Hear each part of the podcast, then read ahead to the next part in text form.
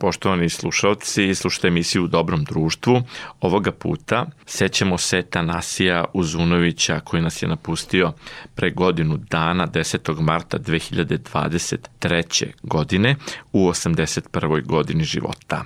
Podsjetit ćemo se njegovog gostovanja u emisiji U dobrom društvu prvog programa radija, radio televizije Vojvodine, kada je svoje uspomene podelio sa vama dragim slušalcima. To je bilo 2020. godine.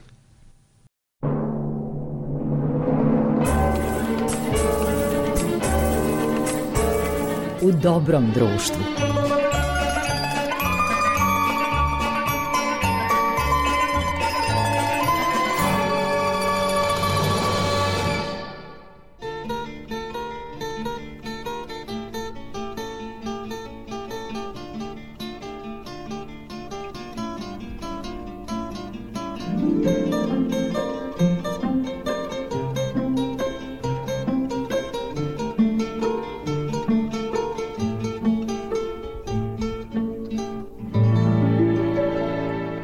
Poštovani slušalci, vi ste na talasima prvog programa radija, radio televizije Vojvodine na pravom ste mestu.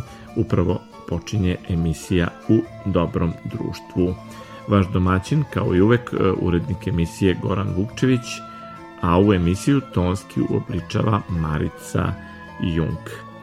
Ovoga puta imamo takođe sjajnog gosta, to je glumački doajen koga pamtimo po ulogama u serijama Povratak otpisanih Devački most, Lager Niš.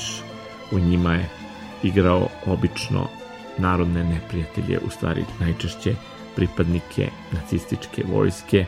Igrao je povremeno i pripadnike takozvanih domaćih izdajnika, ali pamtimo ga i iz komičnih uloga u filmovima Sabirni centar ili u veoma gledanoj seriji Rođak sa sela. E, veoma je zanimljiva i istorija njegove porodice i značajne ličnosti među njegovim precima koje su obeležili istoriju Srbije. Pogađate, u pitanju je Tanasije Uzunović.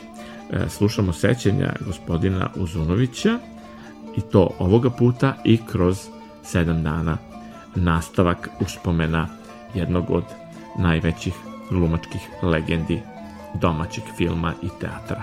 Tanasije Uzunović. Uživajte.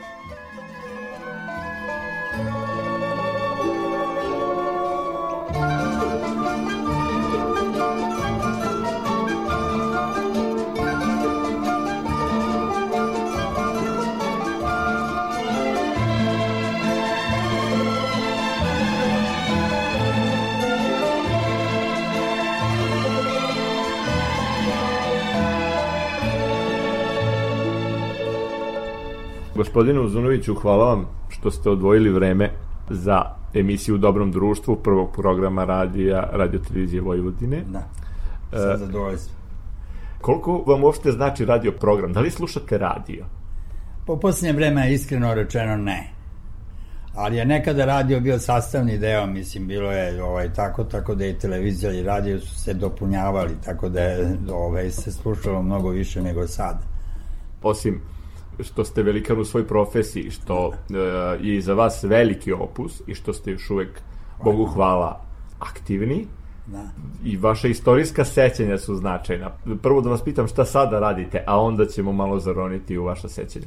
Dakle, šta trenutno snimate? Gde pa, vas državni službenik, to završavam seriju. Nadam se da će snimati još nešto tu i tamo, ovaj, ja To je nova druga nisam, sezona. Nisam ovaj onaj koji ide i tako juri te stvari, ali eto, tako javi se poneko pa snimam nešto. Ja ne volim svašta da radim, ali ovo su ipak scenarija i ipak serije koje nose nešto sobom i to mi je drago da učestvujem u takvim serijama.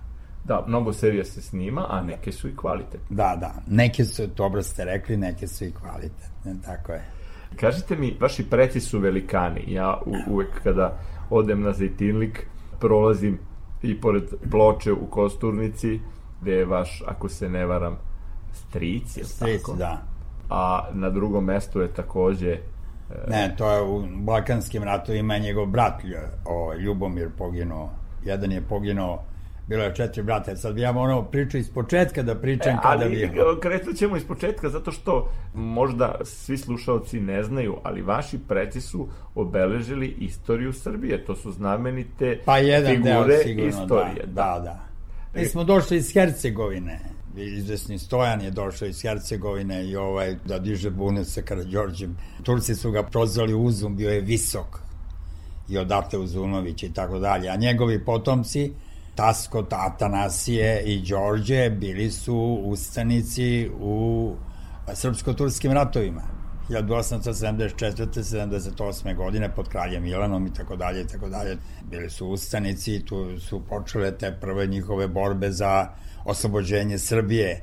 Tasko je prelazio granicu kod Aleksinca, tu je jednom bio i uhvaćen i zatvoren u tvrđavi Niškoj i pobegao je odatle pomoću svoje žene Mariole i pomoću svog brata Đorđa. Pobegao je odatle zato što je krenuo u toalet i rekao čuvaru kore na bedemu da mu čuva tabakeru i, ovo, i ove, dok je on to radio on skoči dole, dole su ga čekali. On šest meseci se krigao na obalama Morave. Ovaj, i oni su bili uz Koleta Rašića koji je vodio ustanak. Bili su ustanici Tako da je odatle počela taj ratni profil mojih predaka. Vi ste po tasku i dobili ime. Da, da, to je, ja nosim njegovo ime. Istorija vaše porodice je u stvari jedna dobra serija. Pa, moglo bi se reći. Moglo bi se reći, ovaj. Ko vas posebno fascinira od vaših predaka, Tasko? Pa, uglavnom, uglavnom bio je, ovaj, zaista bio je hrabar čovek, bio je ovo i bio je za. Znate, oni su, živjeli u Humu, on je bio baštovanđe. Šta je interesantno? Ti ljudi koji su se borili ovako, Kralj Milan je imao, izvinite za digresiju, ima burnu istoriju i ovako i sa Natalijom i tako dalje, ali, ali je za Niš bio vrlo dragocen. Zaista. Svi vladari imaju i dobre i da, loše da. strane. I prva agrarna reforma koja je bila u Nišu bila je njegova. S tim što je on rekao, pošto su bili Turci, ta zemlja, Turci su se iseljavali, ta zemlja je, on je rekao, onaj ko obrađuje zemlju, taj će dobiti. Tako da je Kole Rašić, koji je bio glavni ustanik i vođa, dobio zemlju, ali nije hteo da je radi, ovo je moj uzu zemlju. Znate. A Tacko je bio Baštovanđija i oni su uzeli zemlju i radili na zemlji, oni i njegov brat Đorđe, tako da su oni potpuno bez obzira što su bili ustanici i dobili ordenje i ovo, oni su morali da rade i šta je ta zemlja otplaćivana do 34. godine potomcima ta zemlja je, Turska to niko neće da prizna sad, to nije oteta zemlja, to nije to zemlja, čak Tasko koji se ovaj vadio na to kao govorio svojoj ženi Mario ovo sa bankama, ja tu nemam poverenja, moram lično da nosim, pa išao u Istanbul, vadio se. Ovo, I jednom prilikom ode u Meku i tako da je postao i hađija i tako. Mi smo u stvari hađije, samo to on nije hteo da, nosi, onda sam posle išao na Hristov grob i tako dalje.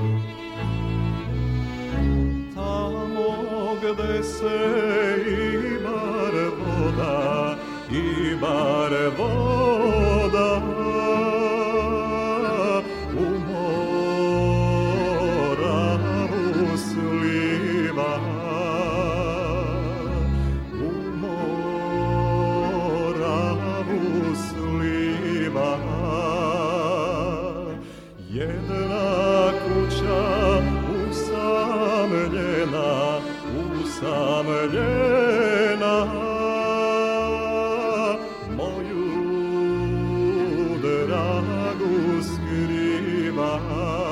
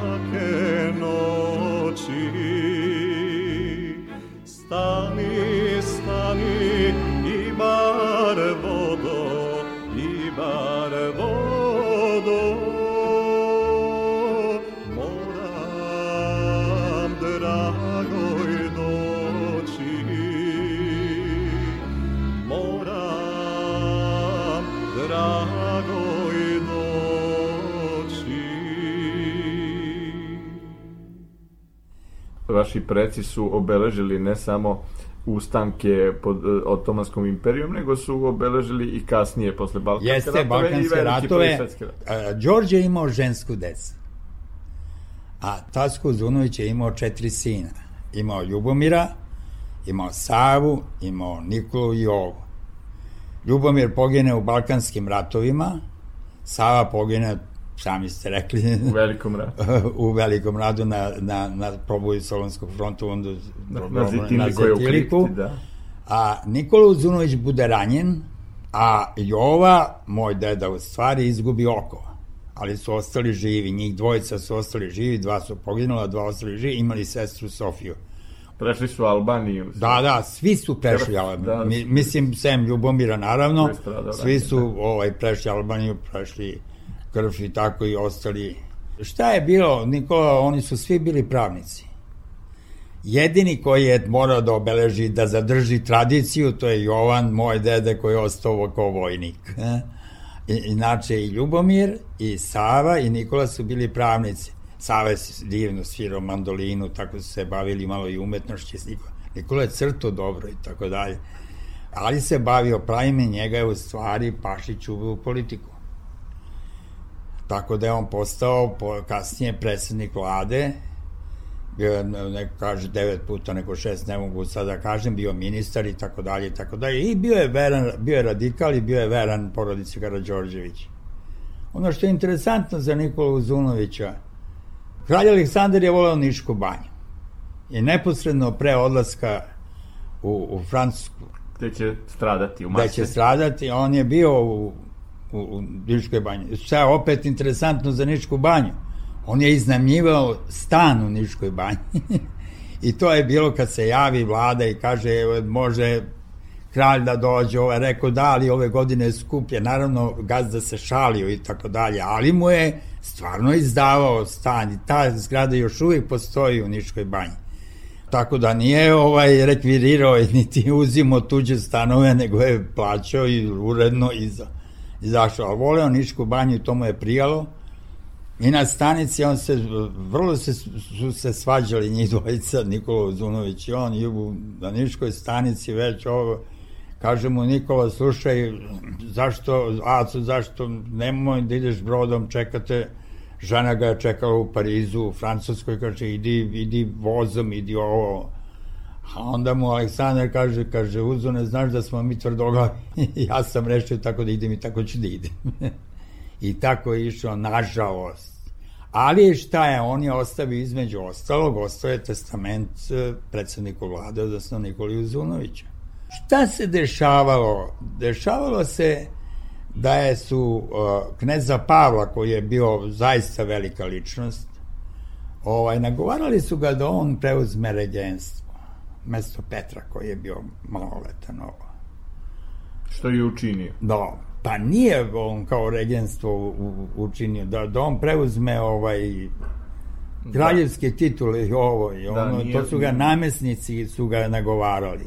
Da. Međutim, to kralj Aleksandar nije napisao u testamentu. Da, da, da. Znate, Nikola Uzunović se borio da taj testament bude onakav kakav je kralj Aleksandar napisao. I on se izborio za to. Ali je izbila svađa između kneza Pavla i njega i knez Pavle je bio ljut na njega jednom prilikom je rekao sovite mi Uzunovića da dođe vamo kod mene. A Nikola mu kaže, pošalje ovaj čauša, pošalje i kaže, znate šta, ja sam stariji od njega, ako mu treba, neka dođe on kod mene. I Pavle se nadalji dojuri do Nikola Uzunovića, međutim, u kancelariji čekao je otpust, odnosno zahtev za smenu. Za smenu, odnosno otpuštanje. Tad je Nikola Uzunović napustio politiku i nikad se više nije vratio. Pavle ga jedno dva puta zvao da se vrati kad je video s kim ima posla. Jer ljudi koji su došli bez vređanja i bez ovaj, ovaj bili su drugačije vrste bez obzira što je Nikola Uzunović u Dragišu Cvetkovića isto uveo i tako dalje imao sa njima, da ljudi govore danas svašta i tako, ali ga je on, on mu je bio inspiracija zato što je Nišlija i ovo, i bio je, pa Dragiša je bio izuzetno obrazovan, govorio četiri jezika i tako, ali su tako, nije se slagao sa njim, nije mislio da se više bavi politikom, Tako da ga je, ovaj, Pavle ga je zvao, nikad se više nije vratio. Interesantna je još jedna stvar za Nikolu Zunovića, 41. godine je, kako se zvala, ne znam, kad su tražili da se potpisuje pakt protiv komunista. A neki dođu kod Nikolu, to su sve viđeniji ljudi. To su potpisivali neki ljudi koji su kasnije bili vrli komunisti. Jedan bio je jedan ovaj Kako to obično biva, prešli su na pravu da, stranu, da. na pobedničku stranu. Ovaj, međutim Nikola Zunović kaže, ovaj tačno je, ja jesam antikomunista, ali to je moj narod. A ja protiv mog naroda u ovo vreme ratno da potpisujem neću ništa. Niti sam protiv toga, niti ovaj Tako da je odbio. Ja ne znam kako je ostao živ, mislim, oni videli su, Nemci su ovo... Kako je spasao glavu. Da, ne znam ja kako je ostao živ, to je ovaj... Međutim, on je odbio svako... Kao što je ovaj, pri kraju rata, došao je predsednik radikalne stranke tadašnje. I rekao, znate šta, predsedniče, vidite, ovi komunisti i ovo treba da, ovo, Nikola kaže, znaš šta, čekaj da se završi rata, posjećemo mi na izborima njih da dobijemo. kao, kao na izborima će se reši stvari ovo, međutim nije bilo tako. Nije bilo izbora, bile da. su ćorave kutije. da, bile su ćorave kutije i tako. Težak život ima, ja ne mogu da kažem, ne, ne, samim njim, kad govorimo o Nikoli, ja govorimo o čitavoj porodici. I o njegovom mlađem bratu Jovan, znate. To što su radili, to je, to je, mi smo sami sebi krivi, niko nam nije krivi to što smo mi radili, to je, to je strašno, zaista. Kako je Archibald Rice to napisao? Jes, jeste. Mislim, to je bukvar. Archibald Rice, s tim što sam ja Archibalda Rice čitao kao klinac. Onda kad je bio zabranjen, njega je Tito zabranio, znate? Da. E, a ja sam Archibald... Cenzurisan je, da, da. Da, i to je bio cenzurisan, i to je bio ovaj, zaista, to je ono što je napisao, to je naš bukvar i koji još uvek traje, još uvek je aktualan. Znam to jako dobro. Znate. To je meni otac zavod da čitam dok sam bio imao, imali smo biblioteci dok se bio, to je neko izdanje bilo, ovo je, znam, stara knjiga je bila i on mi je, između ostalo, imao sam čak jedno, ja mislim 12-13 godina kad mi je ovako bacio, kaže uzmi i čitaj ovo.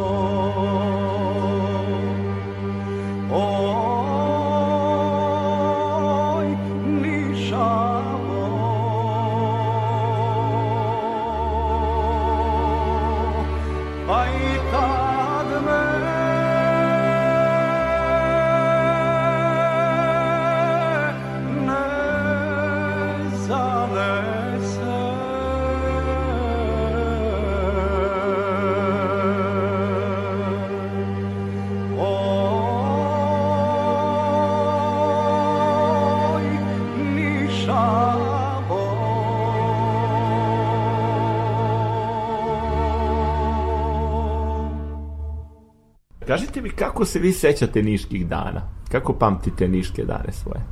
Pa da vam kažem nešto, reklo bi se to je moj rodni grad.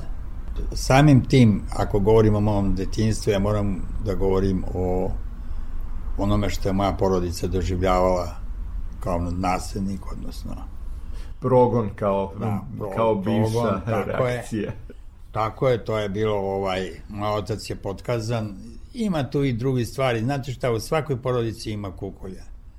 Tako da ja ne mogu da kažem, bilo je čak i u porodici od moje tetke ovaj jedan, jedan izrod je napravio tako neke stvari.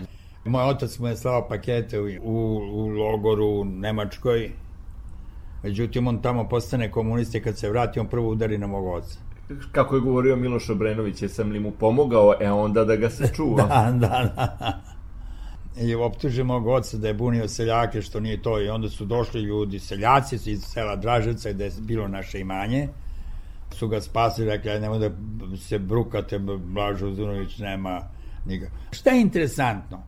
Moj otac, kad, ako govorimo sad o svemu tome, moj otac je bio stacioniran 6. aprila, bio je on konjički kapetan bio, bio je stacioniran na prokletijama sa svojim seljakom Ivom i sa našeg imanja koje njegova žena je mene odgajala. Kad se Bio je stacioniran na prokletijama. I na prokletijama normalno dobiju puške da brane zemlju bez, bez obzira ovo. Međutim, to je živa istina, komunisti i Hrvati počnu da pričaju kako ne treba da se bori za ovu državu, da treba baciti oružje i da sve to, Na što se moj otac pobuni i kaže ako smo dobili oružje, treba da se branimo. Pa ćemo posle videti šta će biti sa ovom zemljom, ali sad je prvo treba, neprijatelj je tu i tako. I na šta ovaj Iva dođe i kaže, Blažu, ubiće nas. I oni pešice krenu i dođu do sela Draževac, to je kod Aleksinca, dođu na imanje. Kasnije kad smo razgovarali, ja sam ga pitao, Je li tad, što, što nisi otišao sa Dražom, što ako nisi teo partizan, pošto je bio ovaj, protiv komunista, znao je šta će se desiti. Znali su stari ljudi šta će se desiti. Pitao sam ga, što nisi otišao sa Dražom? Ovo, kaže, znaš šta, on je obaveštajac, on je vojskovođa. I to je zaista bilo tako, on je, Draži su se otrgli neki ljudi, Draža sam po sebi nije negativna ličnost, to ne mogu Ali da kažem. Ali ga je pobedio bio... jači obaveštajac. Da, tačno. A drugo što se njemu, on se, on se ponašao kao vitez i tako dalje, to je taj susret u selu Ba, držao Titana niša, to da ga ubije. Ovaj, međutim, Draža kad je to čuo uzme i ovoga stavi preki sud i tako dalje i tako dalje. Kasnije kad su Đilasa pitali Milovana šta bi vi radili u istoj situaciji, pa kaže normalno da bi ga ubili. ovaj. Tako da on nije hteo ni sa kim da ide. Nije hteo ni, ni kakvi Ljotićevci, kakvi Četnici, uh, Nedićevci i tako dalje i tako dalje. Na kraju je bio regrutovan i bio je u Smederevskoj palanci.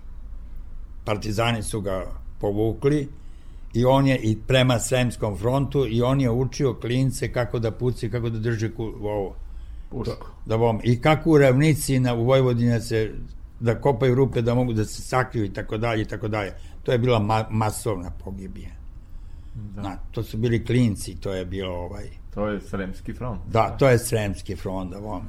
Jedna od najtragičnijih stranica yes. novije istorije. Tako da je tu ostao živ. Šta se desilo posle? Nama su došli, imali smo 100, 120 i nešto hektara zemlje, to su dva brata.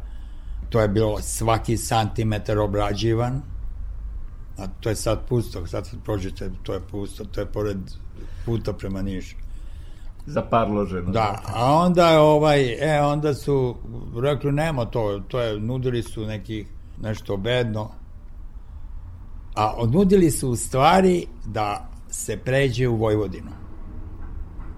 Da, se napusti to i da moja čitava porodica pređe u Vojvodinu. I moj otac je rekao, moj deda, rekao, slušaj, ja, ja nisam gazda na svome kako bi bio na tuđem i odbio i onda su nam sve uzeli. I tu počinje u stvari jedno maltretiranje ovako. Ono što se ja sećam kao klinac, imao sam jedno 5-6 godina pred ovo. Moj otac je bio u zatvoru, moja sestra u školi, ja još nisam išao, imam dve starije sestre, sam živeo. Bila je neka rada, nje se sećam kod da je sad gledam, u engleskoj bluzi, u bojnim onim čizmama čizmama i u kratkoj suknji. I ta rade dole, doleze stala ispred vrata i govori buržujke, ajde na radnu akciju. I moja majka se spremi, ništa, povede mene, pošto nije imala kome da me ostavi, onda je bilo, povede mene iz Niša i odemo, tad se pravio pravni fakultet, je počeo da se pravi u Nišu, povede me, i najnormalniji uzme kolica, stavi cigle i ne znam ja šta je trebalo da se nosi i odnese čak je učila kako da se cigle, da se ne bi krunile i ovo da se ređaju i tako dalje i tako dalje. Ovi su zinuli. Znači učestvovala u gradnji Niškog prava. No, normalno, onda ona je znala sve, ovi su mislili da ona ne zna kao buržujke, oni predstavu ne da ona da ne radi, zna ništa kao. da radi. Ovo. Tad su je zvali nikad više. Da, da ne ruši ovaj Pa propagandni da, zato, moment. zato kako, kako to buržujka pa zna da radi, zna da vozi kolice i zna Da ređa to. cigle. Pa da. Zaista nam je sve uzeto, tako da je ostala kuća u Nišu i tu smo, tu smo živeli, ali je porodica bila stalno pod prismotrom, sve to mog oca su potkazivali su ovo, nameštali su mnogo, onda su videli da se od svega toga nema ništa. Tako da ono, nisu mu dali da radi svoj posao, radio je u radionici kao običan radnik. Tako nas izdržali, živjeli smo vrlo teško. I to je do današnjih dana, mislim, eh, taj imidž antidržavnog elementa bi me do, do, do dana današnjeg. Imidž neprijatelja Pa da, pa da. sistema. Pa ne, znate što ja vam kažem jednu stvar, ja nisam to, to meni je Steva Žigon govorio, šta ti je bre uđi u partiju posle kad treba da izađeš ti izađi, to mi je Joža Rutić mi je govorio. Ja sam imao, kad sam otišao u Jugoslovensko dramsko, počeo sam zaista divno igrao Hamleta, igrao arkeologe. A kako ste došli u, u glumač, do glumačke profesije, s obzirom da je tradicija porodična? Pa znate šta da vam kažem tradicija? jednu stvar, ja sam u Nišu, trebala je gimnaziju, međutim iz određenih razloga pala mi je Titova bista na nogu I onda sam ja iz svih iz gimnazije, mislim, šutnut onako. Simbolika. Da, da. Onda, međutim, šta je? U Nišu je bila Ksenija, to su ruski emigranti bili. Medvedevi. Beli Rusi. Beli Rusi. I ona je videla neke moje crteže koja sam ja radio i rekla ti treba da ideš, Nišu je bila škola za likovno obrazovanje Đorđe Krstić. I zaista ja odem tamo i oni su odušle, bio neka Sima Čemerikić i ja pođem u tu školu i tako mi smo imali časove crtanja stalno, to nije bilo ovako, bilo vrlo ozbiljna škola, a vrlo zahtevna, vrlo ovaj, i onda je bilo tamo, bio jedan neki prodan koji je vodio, posle je bio ovde u Beogradu, ali šta je bilo na petoj godini, pošto je škola trebala pet godina, a škola promeni naziv u škola za primenjenu umetnost, jer je neka žena trebala da dođe tu da bude ovaj direktorka škole i žena jednog predsednika opštine koja je ja moram da kažem bila u Četnicima, ali je posle prešla na ovu stranu i znala da tka. I odjednom sam se ja našao mesto, mi smo imali slikanje večernje aktove, ovo je počeli da slikamo i tako, odjedan put sam se našao za razbojem za tkanje čilimova. Sjajno. Znate. I mene to potpuno rasturi. I ja nisam ni dolazio, samo trebalo je samo da diplomiram i ovo. Međutim, išao sam Nišu i vidim, piše Abrašević i vidim neke slike. Tada sam video slike Mide Stefanovića i Sonje Jauković. Oni su osnovali društvo Abrašević i igrali šarenu loptu Igora Torkara. Ja uđem unutra, instinktivno onako i gledam predstavu i meni se to dopalo. Mislim, ja sam išao u pozorište, sestre su me vodili, znam šta je pozorište, nisam ovaj, došao. Meni se to dopalo onako ja odem da vidim ko je to. Neki Rade Trifunović, geometar koji uopšte ne, nije imao veze sa pozorištem, ali znao je pozorište u prst, on je vodio to. I kaže on, dođi, imaš dobar glas, dođi ti sa nama. Međutim, kakvi, ja sam slikar, ja idem na akademiju. Mada je bilo vrlo teško. Ali tamo morate za razboj, da. da. Međutim, ovaj, to samo da završim, to sam završio ova. I jednoga dana bio neki Dušan Vlač, Poljak, ja mislim da je bio koji, koji je živio u Nišu, ovo, on, se, on je isto igrao i razboli se. I mene pozovu da ja uskočim u tu predstavu. I ja naučim tekst i dođem i, ovo, i oni se oduševe. I tu počne moja glumačka karijera, upravo posle osnovimo kamernu scenu M, tu smo igrali Tennessee Williamsa, igrali ozbiljne pisce i vidi me Miličević Ognjenka Ognjenka u Vrnjačkoj banji na neki festival bio amaterske družine i ona meni kaže trebaš ti na akademiju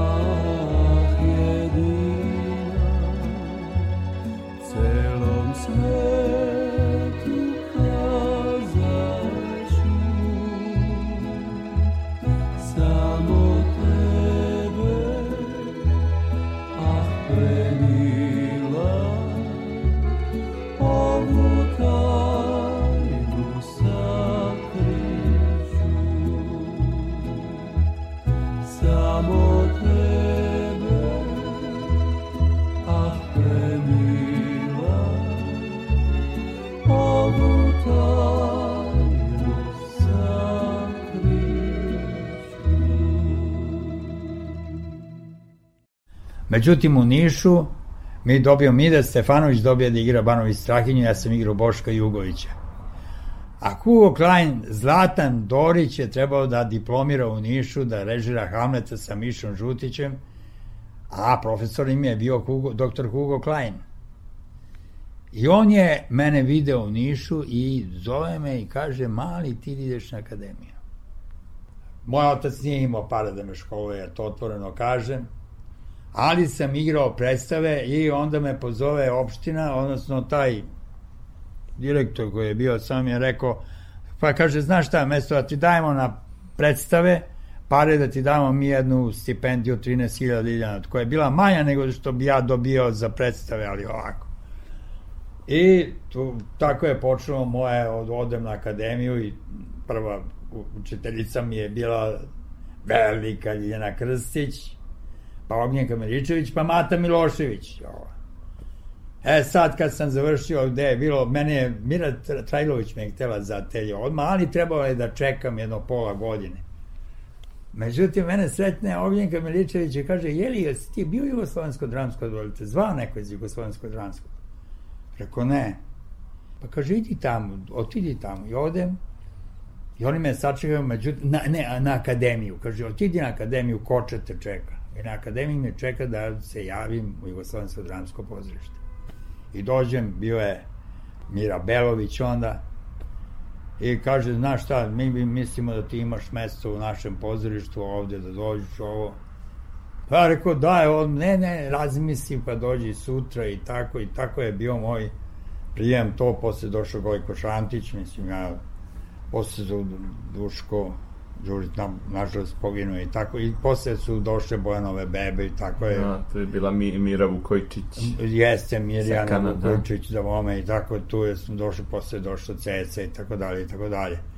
I zaista je to bilo na početku ovaj, ovaj. Međutim, i tu su se počeli da prave podele, da ne pričam sada o tome, Politički. to su neke ružne stvari, pa i političke i ovako, ja nisam bio ali, klana, ali klanovi i tako dalje i tako dalje i tako dalje. Vi ste nekako razbijali klišeje onoga... Pa ne, ni, ja nisam hteo, imao sam svoje nešto i to nisam hteo ovo. Ja nemam čega da se stidim, niti sam, imam ulogu koju bi mogu da sagnem glavu i da kažem... Imali ste stav, ovo. to hoću da Da, da. da imali ste stav. Mislim, ni, ni, s te strane zaista nisam. Međutim, ovaj, neverovatno, kad god sam nešto napravio, nisu mi dali posle toga da igram kad sam dobio sve moguće nagrade, to je 89. godine za ruženje naroda u dva da, dela. Da, ja sam gledao tu predstavu e, to, to je, ovde na, kažu, Steren, to je apsolutna... Na sceni Bojan Stupica, da. Da, to je apsolutna uh, Sterina nagrada bila nagrada, publi, nagrada žirija, publike i ovako. I tada je, da se razumemo, bilo šest naroda i pet republika, prema tome žiri je bio sastavljen kombinovano, da, kombinovano. Da, po ključu. da, tad je jedna Makedonka rekla, ja vide toliko predstava, međutim to što video Tanasija Uzunović, to ne vide nikoga. I zaista... Sećam se, to je bilo razno. A tu da. su igrali i Lane i... Jeste, bilo velika Miša predstava. Žutić i, da. ovaj, i Voja Brajović. Da, da. Posle toga mi nisu dali da igramo Jugoslovensku dramsku, zato što je grupa bio Cveja je vodio to. Jovan Čirilov je kao bio e, direktor pozorišta, međutim... Sve vodio... Nije, nismo do, bili u dobrim odnosima. Muzika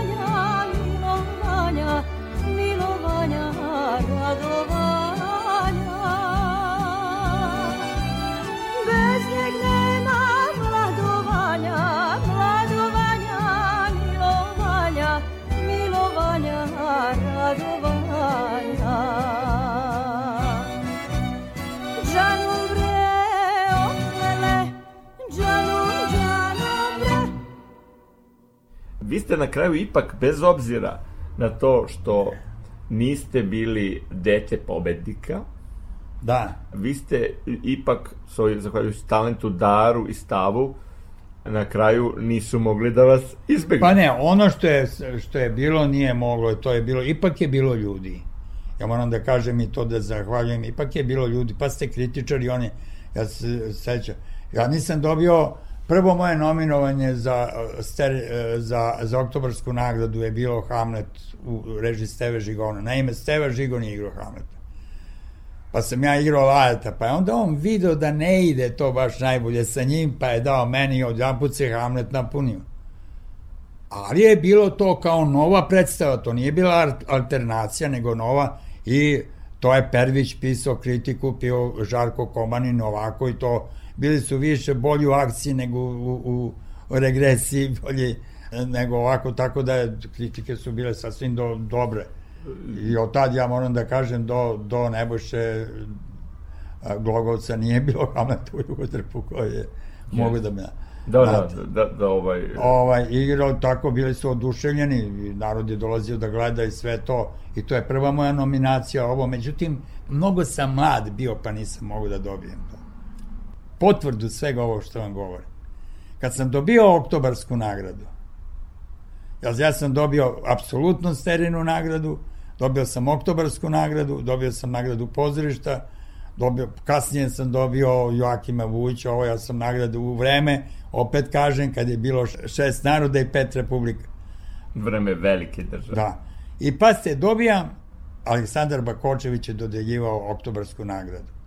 A bili su ljudi okolo i sad čestitaju i priđe meni jedan i kaže, a, jel vidite, vi iz takve porodice, a mi vama oktobarsku nagradu. Pa ste, to je 89. godina, direktno. Pa Marš na Drinu je bio zabranjen, dakle, e, kompozicija junačka iz da. Velikog rata uz koju je vojska slavila i koja je ostala da. jeli, za sva vremena bila je zabranjena u Srbiji do 1984. Da. Orkestar Carevca je za ploču morao da ide da je snimi pa da. u Zagreb, u Jugotu. E pa, e pa pogledajte to. Ja sad ne žalim se toliko, nego vam pričam o onome, pitali ste me o mom životu i o ovome. To je bilo i to još uvek negde prati. Dan danas imam neke uh, probleme ovo. Ja nisam čovek koji može da kaže danas jeste, sutra nije. I mene to koštalo u životu mnogo. Ja ne znam da li je to ispravno. Niste kalkulisali, znate. niste ovaj, gledali ne, pa da se mogu, okoristite. Ne, ne, pa o, absurdno je, znate. Ja ne znam to, ovaj, ljudi rade svašta, ali ne znam kako pogledaju posle sami sebi u oči.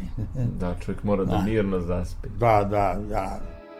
Na srcu mi leži jedna stara rana koja neće iz nedara nigde.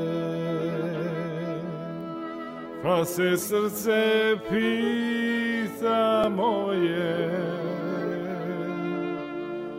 bez nje živeti kako li je kako li je pa se srce pita moje bez nje živeti kako li je, kako li je? Idi, idi, mesanice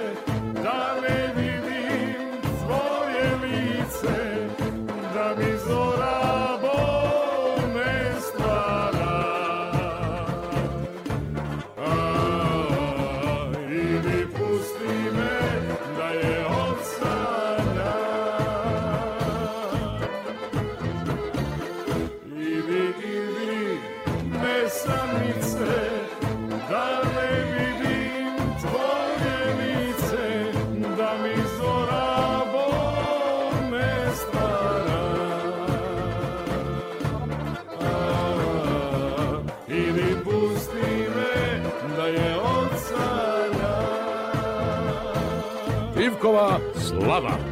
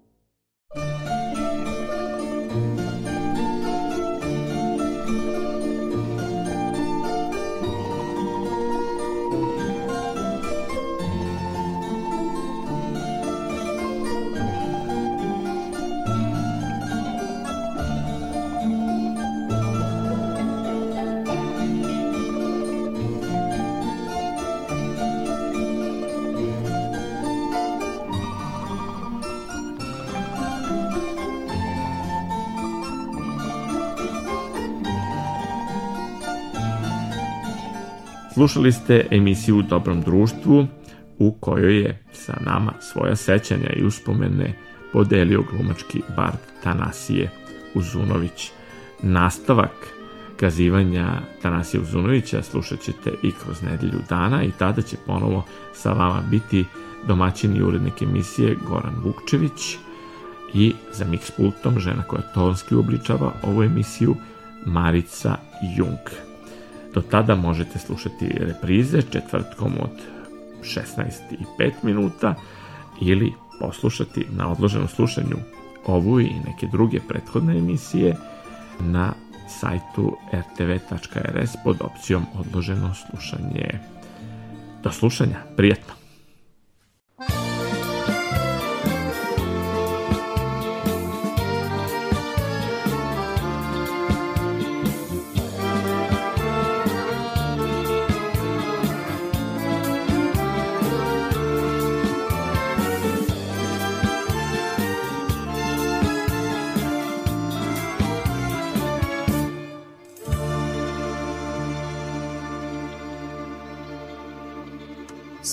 Sedam te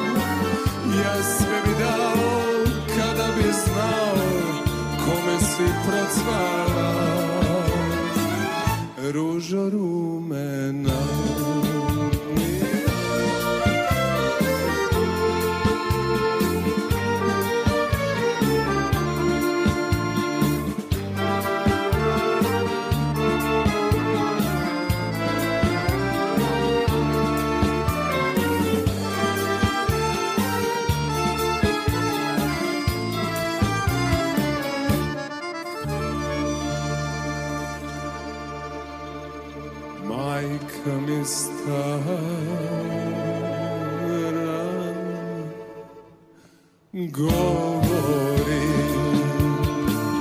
Ne daj da srce ti izgori. Srce te laže kada ti kaže da druge nema